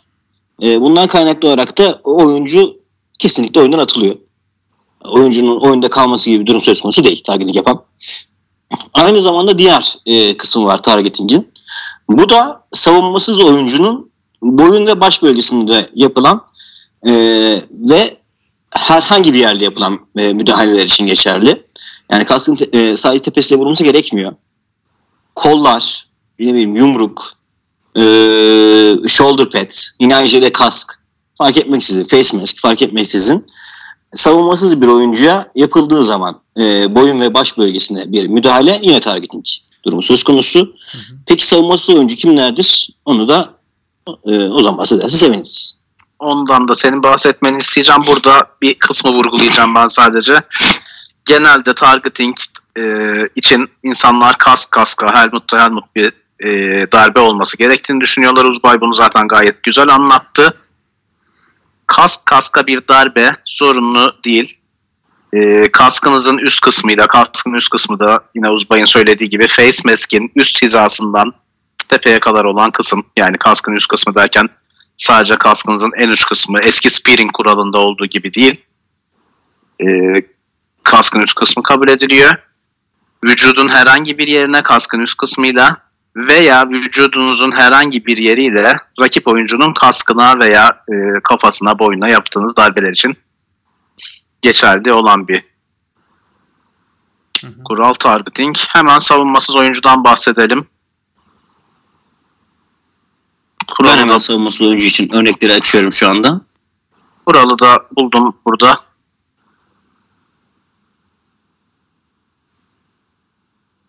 O zaman sen söyleyebilirsin.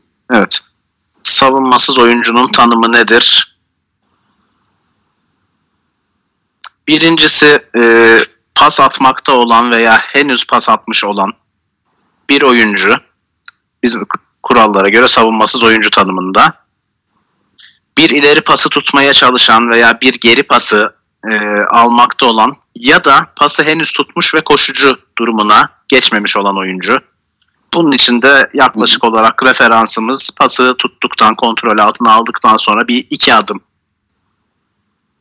atmış olması. Ee, yani henüz bir pası kontrol altına almış, koşmaya başlamamış ise yine savunmasız oyuncu pası tutmaya çalışırken. Hı hı. Ee, topa vurmakta olan veya e, henüz vurmuş olan bir kicker yine savunmasız oyuncu tanımında. Bir vuruşu yakalamaya çalışan ya da vurulan topu kazanmaya çalışan vur ya da yine bu vuruşu yeni tutmuş pas ileri pasta olduğu gibi veya yeni kazanmış olan ama kendini toparlayıp koşucu durumuna geçmemiş olan bir oyuncu e, savunmasız oyuncu Bir- tanımında. Re- re- returner diyelim aslında bu noktada. Evet bir returner diyebiliriz buna. Yerde olan Pastan farklı olarak. Aha. Yerde olan oyuncu, yani yere düşmüş olan bir oyuncu yine savunmasız oyuncu. Bariz bir şekilde oyuna dahil olmayan, e, oyuna katılma niyeti olmadığını belli eden, oynamayı bırakmış bir oyuncumuz da bu tanımın içine giriyor. E, blind side block yapılan bir oyuncu yine savunmasız oyuncu ta- tanımında. Blind Aynen side öyle. block'tan da Uzbay bahsetmişti. Bir rakibi tarafından Evet, uz- söyle Uzbay. Hani blindside bloktaki targeting aslında yeni gelen bir ceza değil bu arada. Yani daha önceki senelerde vardı. Ee, blindside blok yapılan oyuncu geçen senelerde de aynı şekilde targeting yapıldığı zaman e, savunmasız oyuncuya kabul ediliyordu. Evet artık targeting olmasa bile yani kaskına ya da kaskla bir müdahale yapılmasa da blindside block diye ayrıca bir ceza var. Savunmasız oyuncu tanımımızda da ki diğer şeyler e, rakibi tarafından yakalanmış ve artık ilerlemesi durmuş olan koşucu e, topun el değiştirmesi sonrasındaki bir oyun kurucu koşmayı bırakmış ve slide hareketine başlamış olan yani yerde kaymaya başlamış olan bir oyuncu savunmasız oyuncu tanımına giriyorlar. Hı hı. Ee, bu oyunculara Bu, bu oyuncuların Evet. boyun ve baş bölgesine yapılmış olan herhangi bir yerle yapılmış olan müdahale targeting gerektiriyor. yani kolunuzu havaya doğru kaldırdınız. Ee, ciddi sert bir müdahale tabii ki basit bir dokunmadan bahsetmiyoruz. Aşırıya kaçan bir müdahale kolunuzla, elinizle, yumruğunuzla fark etmeksizin bu oyuncuların e, boyun ve baş bölgesine geldiyse, kaskına geldiyse targeting olarak cezalandırılıyor ve e, diskalifiye gerektiren bir faal. Direkt diskalifiye değil mi bu? direkt olarak diskalifiye uyarısı yok. Ee, Uzbay yine bunu belirtti ama ben biraz daha genişleterek de e, anlatayım. Hı hı. Targeting şüphe durumunda mutlaka olduğu kabul edilen bir faal. Tam onu Genel olarak- ya. Bazen pozisyon itibarıyla oluyor yani istemsiz oluyor. Şöyle zaten Yani olmaması gerekiyor. Hayır şöyle, Yani is- şöyle örnek vereyim. Tackle yapmaya giden oyuncu var. Receiver topu aldı. Çok hızlı şekilde dönüp alçaldı. İstemsizce kaskına darbe geldi. Tackle yapmaya çalışırken. Şimdi Mesela. e, yaşa- zaten şöyle bir şey var. Hani e. targeting olabilmesi için yine blindside block olabilmesi için de geçerli. Bir forcible contact yani şiddetli bir darbe, şiddetli bir temas olması gerekiyor.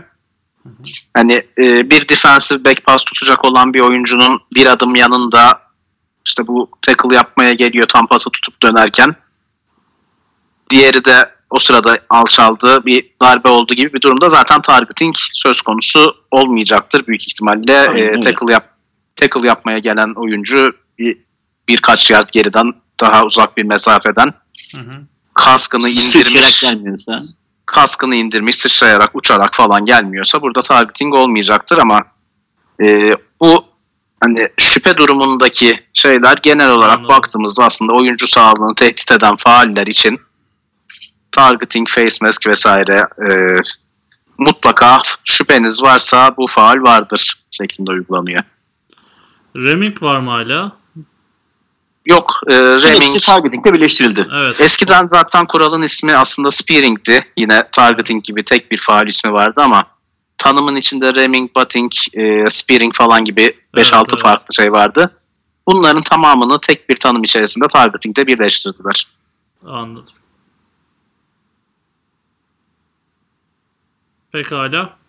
Ee, bunu da açıklamış olduk. Hani bu benim de biraz merak ettiğim bir konuydu.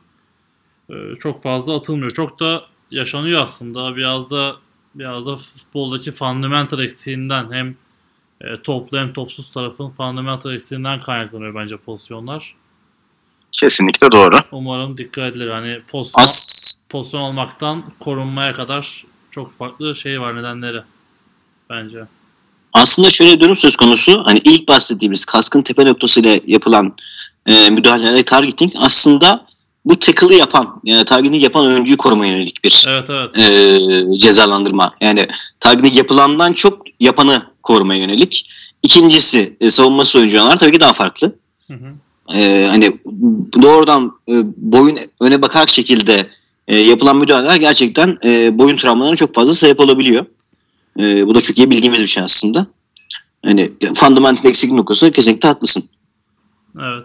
Ya o da şey sorayım mesela özellikle defansif beklerde görüyoruz bunu. Karşıdan gelen oyuncuya çok alttan geldikleri zaman kaskını kullanıyorlar. Bu direkt target'ine mi görüyor mesela şu anda? Face Yani- üstü çarptığı anda adam mesela ayak ayak bölgesine face üstü çarptığı anda targeting mi oluyor? Yani şöyle bariz bir şekilde hani kafasını aşağı indirerek kaskın üst kısmıyla vurmaya niyetli gelmiş ve forcible contact olarak değerlendirebileceğimiz hızlı bir, şiddetli bir e, darbe varsa evet targeting. Anladım. Tamam. Yani çok net oldu aslında.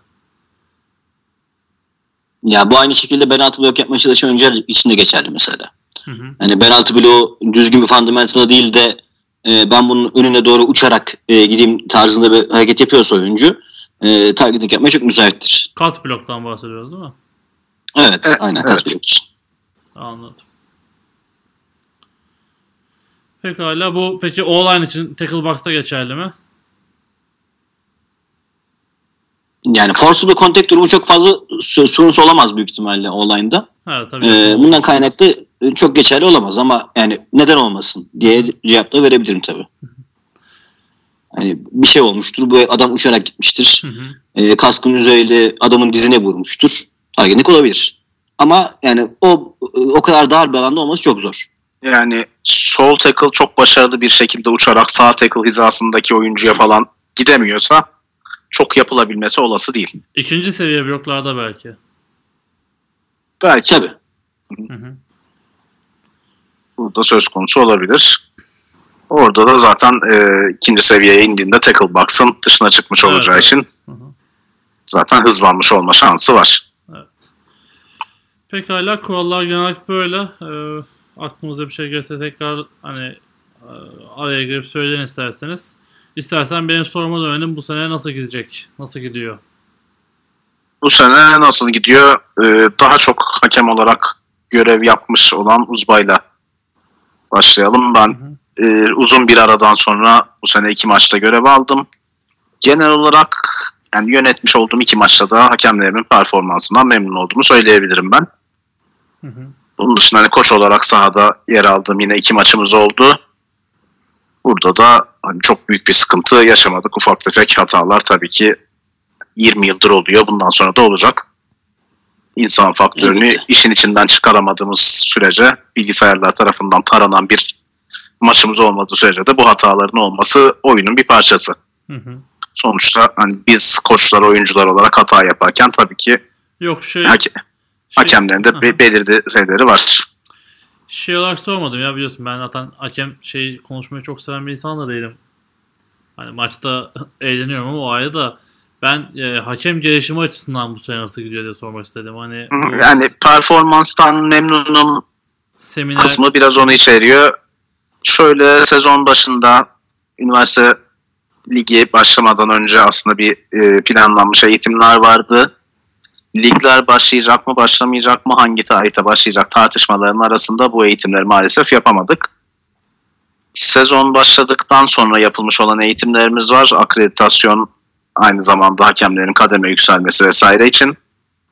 E, bunlar için de oldukça ciddi bir e, eğitim sunumu hazırlandı. E, çeşitli hakem arkadaşlarımızın yardımıyla. Ankara, İzmir, İstanbul, Antalya, Bursa ve Düzce'de eğitimler düzenlendi.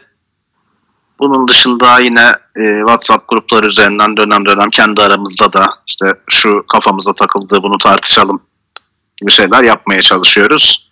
Bunların da faydasını gördüğümüzü düşünüyorum ben. Hı hı. E, işte hakemlik performansından memnunum kısmı da benim için hani bu yaptığımız eğitimlerin, hazırladığımız sunumların e, bir nebze de olsa başarılı olduğunu, hakemlerimizin bundan faydalanabildiğini gösteriyor benim için. Uzbay sen- Uzbay. Benim de düşüncem aynı şekilde. Yani, Hı hı. yani ye- yeni aramıza yeni katılan çok fazla arkadaş var. Yani, e, sadece öyle olmasa bile geçen sene çok fazla görev almamış kişiler şu anda görev al- alıyorlar. Böyle durumlar söz konusu, söz konusu. Ama performansları yani gerçekten e, gün geçtikçe daha iyi gidiyor ve iyiler. Benim, benim gözlemim bu şekilde. Hani ligin şu ana kadar ün ligin bir sıkıntısı neydi diye bakarsak 5 hakem e, den kaynaklı sıkıntı yaşanmışsa yaşanmıştır. Tam onu Hani. 5 hakem olduğu zaman mekanikler çok değişiyor hakemler açısından ve hani sahanın içerisinde görülmeyen çok fazla şey olabiliyor. Ee, hani bu 7 hakemin gerçekten bir zorunluluk olduğunu aslında neden 7 hakem olduğunu çok da güzel ortaya koyuyor. Böyle bir durum var sadece. Hemen şeyi soracağım. Benim bugün de hatta bir konuşmam oldu. Hani 5 hakem hadi belki tamam olur da gözlemcisiz olması sizi nasıl etkiliyor? E, bu durum şöyle etkiliyor. İşte dönem dönem takımlardan arkadaşlarımız ya da bazen benim hiç tanımadığım insanlar işte hocam böyle böyle bir şey vardı maçta şöyle bir şey oldu bu kafamıza takıldı nedir ya da biz şundan memnun değiliz gibi şeyler de bulunabiliyorlar. Ee, öncelikle şeyi söyleyeyim ben pozisyon videosu görmeden kesinlikle işte şu şöyledir bu böyledir hayır yanlış veya doğru yorumu yapmaktan kaçınıyorum çünkü oyuncunun anlattığından çok farklı şeyler çıkabiliyor sahada videoyu seyredebildiğiniz zaman. Hakemleri de değerlendirebilme yönünden tabii ki e, gözlemcinin olmaması bir eksiklik. Takımlardan mutlaka maç videolarını talep ediyoruz. Bu durumu biraz da olsa kapatabilmek için hani hem hakemleri değerlendirebilmek hem genel olarak işte hepimizin sık yaptığı hatalar var mı? Hangi kuralla ilgili uygulamalarımızda sıkıntı var gibi görebilmek için. Ma maalesef buna takımlardan çok böyle aşırı olumlu yanıt alabildiğimizi söyleyemeyeceğim. İşte taktiklerimi gizliyorum, hayır ben videomu kimseyle paylaşmam gibi bir zihniyet maalesef hala devam ediyor bazı takımlarda. Evet. Ünlükte bu devam ediyor. Bu, bunun, bunun bunun da sebebinin aslında hani ne kadar teknik kuru kuralında yazıyor olsa bile göndermelidir diyerek herhangi bir yaptırım olmaması aslında. Evet, Yani bir yaptırım da bir- olmaması takımların videolarını göndermekten kaçınmasına yol açabiliyor. Bunun içinde yani gelecek sene e, maç videoları gönderilmek zorundadır. Göndermeyen takımlar için işte X yaptırımı uygulanacaktır gibi bir karar alınması için bir talep mevcut. Karar var zaten de uygulanmıyor. Yani bunun uygulanan, uygulanması için Evet. diyelim. Hani karar var zaten dediğiniz gibi ama bir yaptırım yok kararın. Bundan kaynaklı olarak da e, bir etkili olmuyor açıkçası. Ben farklı bir şey söyleyeceğim gözlemci ile ilgili. Yani iki şey söyleyeceğim aslında. Bir, gözlemci olmadığı zaman başhakem çok ateş altında bence. Hani hem işte değerlendirme için farklı bir kısmı bu boyutu evet hani ama onun dışında hakem bir sorun yaşadığı zaman çözecek kimse yok orada. Hani hakem bir takımda sorun yaşadığında biraz yalnız kalıyor. Bir de ikinci konu benim gördüğüm, yani tahmin ettiğim ve gördüğüm aslında yani sonuçta hakemlerin nabzı yüksek maçta. Onlar da ciddi bir efor sarf ediyor. Bir e, pozisyon değerlendirilemediği zaman gözlem çok yardımcı olduğu oluyordu. Yani çok e, nasıl diyeyim ipten dönülen kararlar olmuştu aslında. E, mesela bu senede işte yaşanan birkaç tane sorun var biliyorsunuz işte tekrar tekrar söylemeyeyim. Bunlar mesela gözlemci olsa bence olacak konular değildi yani. En büyük eksiklerden biri bu oluyor bence. Ee, o konuda aslında mesela ben biraz farklı düşünüyorum. Gözlemcilerin oyun yönetimine çok elzem bir durum olmadığı sürece müdahale etmesinden yana değilim ama işte hani e, sen dillendirmedin ama bir uzatmaya gidildiğinde tabii ki hakemlerin kenarda gözlemciyle bir kural tekrarı yapıp bunun kuralı neydi tamam uygulaması bu şekilde gibi konuşma şansı olabiliyordu. Bu tarz durumlarda evet bir gözlemcinin orada olması iyi olabiliyor. Bunun dışında hani gözlemcilerimiz e, geçtiğimiz yıllar için gerektiğinde devre arasında hakemlere verdikleri geri bildirimlerde bakın şunlar şunlar var ama işte daha dikkatli olalım ya da ufak motivasyonlarla da durumu düzeltmeye yardımcı olabiliyorlardı. Bu konularda da ciddi bir kayıp var gözlemci olmaması dolayısıyla. Ta- tabii ki. Hani ama şöyle de bir şeyimiz var. İkimiz de e, gidebildiğimiz kadar bütün maçları yapmaya çalışıyoruz. E, eğer ki yönetmiyorsak e, da o maçlarda bulmaya çalışıyoruz. Ve hani hakemlerle o maçlar içerisinde diyalogumuz oluyor. Gere, hani bundan kaynaklı olarak da bir gözlemci vasfımız olmasa da hakemlerle e, gerek maç öncesi gerek e, maç sonu eğer ki çok çok gerekliyse de devre arasında e, konuşarak bazı durumları söyleyebiliyoruz. Ama bu hani bizim bir gözlemci vasfımız olmadığını geliştirmiyor. Hı hı. Böyle durum söz konusu. Tabii ki yani maddi sebeplerden dolayı işte 5 hakem ve gözlemci olmaması kararı alındı bu sene. Ee, maddi olarak biraz biz destekliyoruz diyebilirim maçlara gitmeye çalışarak. Evet. Üçüncü bir şey daha geldi aklıma. Herhangi bir hakem sakatlığında yedek olarak giriyorlardı maça da. Değil mi? Ee, gö- gerekli olduğu takdirde gözlemcinin maça dahil olabilmesi gibi bir durumda söz konusuydu. Evet o da yok şu anda işte. Şu anda böyle bir durumda yok ki özellikle de 5 maç 5 hakemle yönetilen bir maç için oldukça sıkıntılı bir durum aslında. Aklıma gelen şey onu da söyleyeyim dedim. Peki Kulüpler Ligi için nasıl görüyorsunuz hakem camiasını? Bu sene birincilik, ikincilik biraz çekişmeli olacak çünkü. Hazır mıyız sizce? Ben hakemlerin hazır olduğu görüşündeyim. Ee, özellikle de her ne kadar işte bu ufak tefek ifaf farklılıkları olacak olsa da e, üniversite liginin erken başlaması ve hakemlerin biraz e, takımlarda olduğu gibi ısınması, antrenmanlı olması bir avantaj olacak diye düşünüyorum. Uzbay ne söylemek istersin? Yani e, diyeceğim ekstra bir şey yok aslında. Hani şöyle bir sıkıntımız var belki ufak bir sıkıntı olarak e, dile getirebilirim bunu. Ankara bölgesinde şu anda çok çok fazla hakemimiz olmaması e, daha çok dışarıdan hakem gelmesini sağlayacak. Ha- Hakemimiz var aslında ama bütün bütün hakemlerimiz oyuncu Evet. e, veya ta- takımlarda koçlar. E, ve hepsi birinci ligde, Süper Lig birinci ligde oynar şu anda.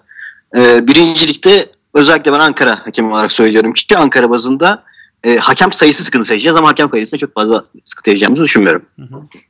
O kural devam edecek değil mi? İkinci ligde görev yapan bir oyuncu ikinci ligde maç yönetemeyecek. Yönetemeyecek. Bu zaten Aynen öyle. Hakem talimatı içerisinde yer alan bir madde ki olması gereken de bu. Ünlükte böyle bir uygulama yok ama. Ünilikte de var. E, oyuncu veya koçlar kendi görev yaptıkları lig içerisinde maça çıkmıyorlar. Sadece diğer ligde maç yönetebiliyorlar. Çok uygulanmadı ama bu. Yo, Bu uygulandı bu sene. Tamamen uygulandı. Ben size atarım o zaman biraz sonra. Yayın bittikten sonra. Tamamdır. Şöyle e, bir e, atama hatası olup aynı ligde olan bir oyuncu maça atanıp daha sonra bir değişiklik yapıldı. İlk atamada böyle bir hata vardı evet. Hı hı. Daha sonrasında yönetti. Hatta yönetecek bu hafta da yönetecek diye biliyorum. Tekrar bakarız beraber.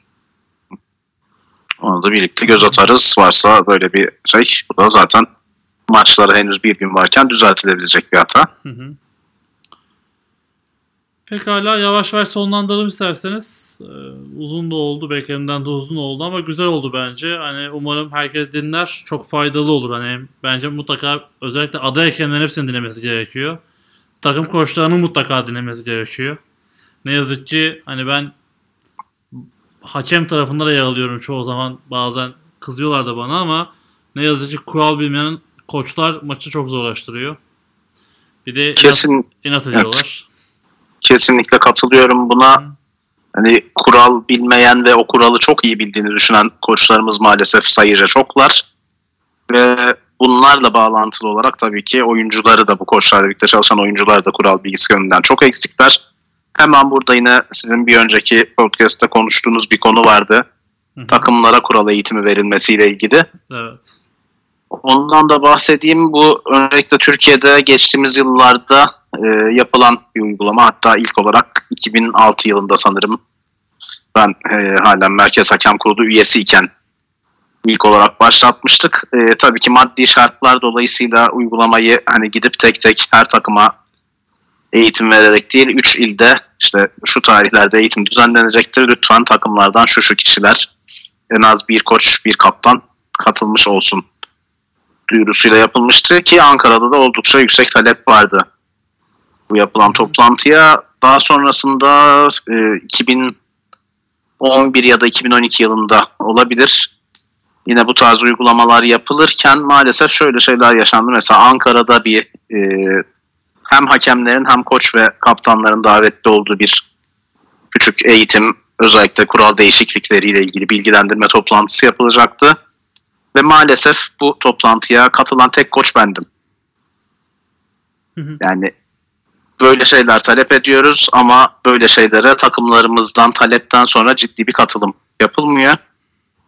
E, bu sene içinde bu bir koordinasyon toplantısı yapıldığı federasyonda biliyorsun. Bu koordinasyon toplantısında da konuşulduğu takım olarak biz bütün takım kural eğitimi almak istiyoruz diyen varsa bunu federasyona bildirin. E, size kural eğitimi vermeye gelecek olan eğitmenin masrafları vesaire gibi şeyler tarafınızdan karşılandığında size tabii ki eğitim verilir diye de e, bütün takımlara bildirildi. Ki bununla ilgili bize ulaşan takımlar da oldu. Peki başka bir öneri yapayım ben o zaman. Hani sen de hiç konuşmadık şimdi aklıma geliyor. Artık teknoloji var. Hani YouTube üzerinden biraz da sezon öncesi zorunlu bir e, katılım bile sağlayabilir aslında hani federasyonumuz. E, çünkü şart yani bunları öğrenmek şart. YouTube üzerinden görüntülü bir eğitim verilemez mi? En azından takım koçlarına ve temsilcilerine. Tabii ki verilebilir. Hatta hani fikri biraz geliştirip bu biliyorsun antrenör vizesi zorunluluğu gibi bir şey çıktı. Evet onu söylemek istemiştim. Vize işte, Mesela bu, bu evet. vizeye dahil olacak şekilde eğitimin içerisine kural eğitimi de eklenebilir. Kesinlikle. Şimdi ikinci kademe antrenör vizesi verilecek. Zaten bütün hani herkes de başına durmak zorunda her takımda artık. Bu da yeni kural. Hani buna dahil edildiği an zaten otomatik olarak her takımda en az bir temsilcinin öğrenmiş olması gerekli ortaya Evet. gelecek. Güzel fikir bence. Bu, bu şekilde uygulamalar yapılabilir. Hani bunun dışında tüm takım eğitim almak istiyoruz ve hani yüz yüze olmanın avantajı her zaman e, kişilerin sorularını da çok daha rahat yanıtlayabilmek. Yani ona, ona da bir şekilde devam edilebilir ama hani zorunlu işte online eğitimler bunun yanında talebe bağlı istiyorsanız Dahil gelin ya da biz gelelim anlatalım. Yüz yüze eğitimler verelim gibi bir uygulama devam edebilir. Evet güzel olur hani böyle bir uygulama olursa dediğim gibi hani özellikle ikinci kademeye zorunlu kalanına da inisiyatif hani e, dışarıdan katılmada açık bir online eğitim çok faydalı olacaktır bence camiaya. Kesinlikle. Aynı şekilde düşünüyorum. Pekala e, var mı ekleyeceğiniz bir şey? E, Benim Uzbay, herhangi bir şey yok. Uzbay var mı? Ozan senin var mı? Ee, Şu an aklıma gelen eklemek istediğim bir nokta benim de yok. E, sorular geldi ama sorular genelde diğer konularla ilgili. Başka bir podcast yapacağım. E, o soruları orada cevaplandırırım. Burada, e, bu hakem podcastimiz olsun, kurallar podcastimiz olsun. E, ikinize teşekkür ediyorum. Vakit ayırdınız. Çok güzel, faydalı bir program oldu. Yani dediğim gibi umarım merkeze ulaşır bir şekilde. E, bunu dinleyenler de hani mümkünse takımlarına e, bunu e, dinletirlerse herkes için daha güzel bir sezon geçer. Daha huzurlu bir sezon geçer diyorum. Aynen öyle. Sonuçta kural değişiklikleri, ifaf değişikliği herkese etkileyecek durumlar olacak. Yani Evet. şu anda öğrenebilecekleri en güzel mecra da burası olabilir herhalde. Ekstra bir dediğin gibi bir YouTube yayını vesaire bir şey olmazsa e, şu anda ellerindeki en iyi kaynak burası olacak. Evet. Tekrar Evet. teşekkür ediyorum ikinize de. Ee, herkese görüşmek üzere. Güzel bir sezon geçirir umarım bütün hakemlerimiz. İyi haftalar. Teşekkürler. Sana da iyi haftalar diliyorum. Teşekkürler.